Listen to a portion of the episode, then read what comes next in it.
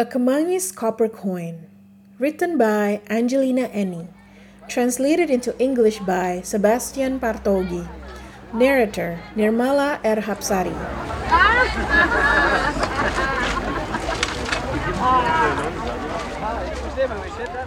Desobejo, the village of good fortune.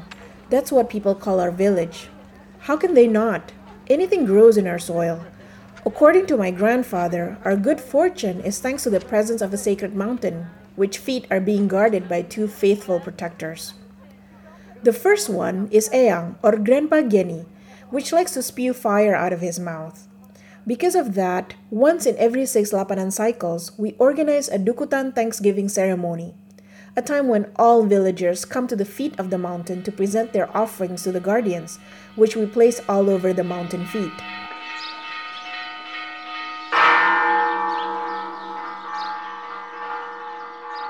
I really like Eyang Geni, despite the fact that I've never met him. Thanks to him, I'm always free of hunger at every Dukutan ceremony I join. I can always eat the offerings, without anyone noticing, of course, so I have to wait until everyone has headed home before I start eating them. The offerings come in various menus corn rice, hard boiled egg, cassava, and klepon, a little green rice ball dessert with melted palm sugar inside.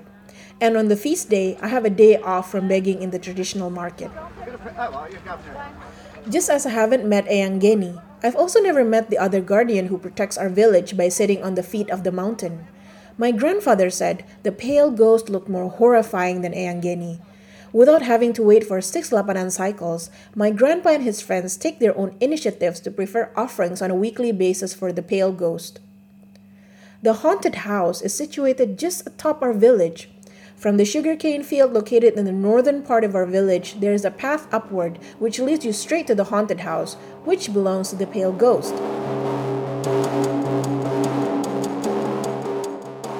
The haunted house is big, with white walls and lots of windows around, and a water fountain located right in front of the main door.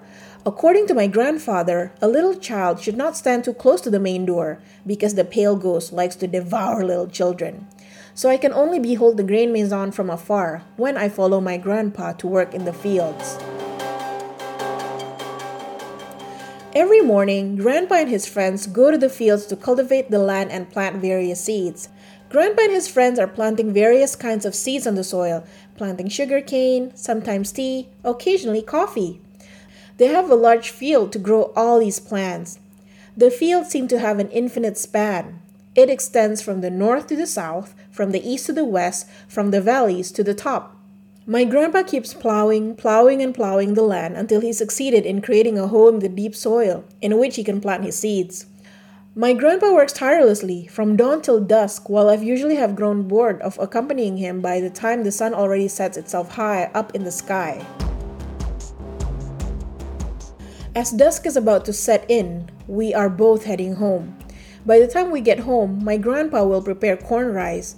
The sweet smell of the corn rice being cooked sways from the bamboo tapestry kitchen wall and door right through our house's guest room. After we finish our family dinner, my grandpa will ask me to give him a massage and rub his shoulder using a copper coin money. Before I start rubbing my grandpa's shoulders using the copper coin money, I begin the process by stepping on my grandpa's slumped shoulders. I'm stepping on it as hard as I can to make cracking sounds. After that, I apply balm on his shoulders before starting to draw pictures with the red marks all over his shoulders using the copper coin. This is my most favorite part of the massaging ritual. I am drawing, drawing, and drawing with the red marks using the copper coin until at the end of the massage ritual, I have succeeded in creating a picture of a giant palm tree on his shoulder. Grandpa reminds me to protect the copper coin as best as I can because one day I can use it to buy my own land. But now, the copper coin has disappeared. I keep on looking for it under the bed, under the rug. It is nowhere to be found. I unpacked an entire marble jar and my grandpa's entire seed pocket, which he placed against the front door. But it's not inside those containers either. Heat starts taking over my body. Water starts to emerge at the edge of my eyes. My head feels heavy. I imagine my grandfather's face looking disappointed at my sloppiness. This copper coin can be used to buy your own field, little girl. I want to have my own field and grow corn in it, so I would no longer have to beg for rice in the traditional market. I want to have my own field so I can throw coffee plant seeds in it, pluck the fruits so I can serve a cup of warm coffee to my grandfather so he will no longer have to endure the mandor's harsh beatings whenever he catches my grandfather silently tasting the cup of hot coffee.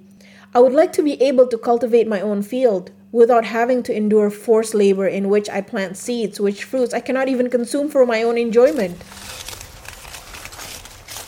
Isn't forced labor a crime?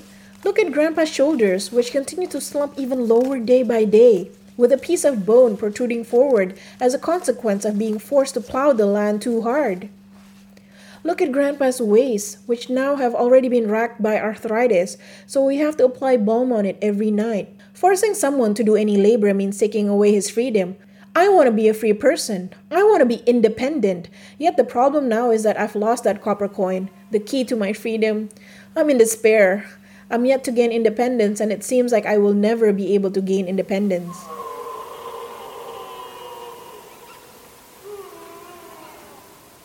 I'm looking for the copper coin beneath the kitchen stove when I hear noises from the front door. I'm curious to find out what happens, but I hear a sound of a person wailing, which straight away has killed my curiosity. So I'm back to squatting among the firewoods. The fire burning to boil the water on the stove sends hot sensations all across my face. I'm covering my face. Between my fingers, I see a tall man entering the kitchen. He has a pale skin, like a ghost. His white clothes simply accentuate the scariness of his face, distinguished by a mustache. There's no mistaking it. He is the pale ghost. Where is he? asked the pale ghost. No, please, sir, don't take away my granddaughter. My grandfather is crawling on the floor and pulling the ghost's white pants to keep me out of his reach. The pale ghost sneers at my grandpa. You dared to steal this coin from my house? Screw you, lowly inlander. There's no way for you to use this currency in Indy, stupid. Now you have to pay for your crime. The pale ghost waves an object towards my grandpa. As the object gets illuminated by the fire burning on the stove, I realize my copper coin. I beg your mercy, sir. Take me instead. Punish me, not my granddaughter. My grandpa is tightening his grip on the ghost's white pants, and the ghost responds with a kick. I am screaming loudly. Afterward, in what appears to happen within a split second, the pale ghost grimaces at me, no different from a lion who's just made his catch. Kemangi, run, little girl! My grandpa screams as he is attempting to grab the ghost's feet again so he won't be able to get me. I'm crying in fear, running towards my grandpa. The stove in which we boil our water gets knocked out. My feet are awash by the boiling water. The hearing heat stops me on my tracks. Shortly afterward, I am transfixed by the fire, which is licking the firewoods as a figure which appears like an old man has suddenly manifested from it. The figure just gets bigger and it expands. I'm flabbergasted by the view. Eyang Geni. Out of his roaring mouth emanates little sparks, which soon turn into flames which lick the walls of our entire shack. Do I deserve this punishment for having stolen a piece of wood from a boat once? Or maybe this can be another path I take toward freedom. I want to ask my grandpa, but even within the brightness of the flames growing that evening, he still looks pale as a ghost, startled and held hostage.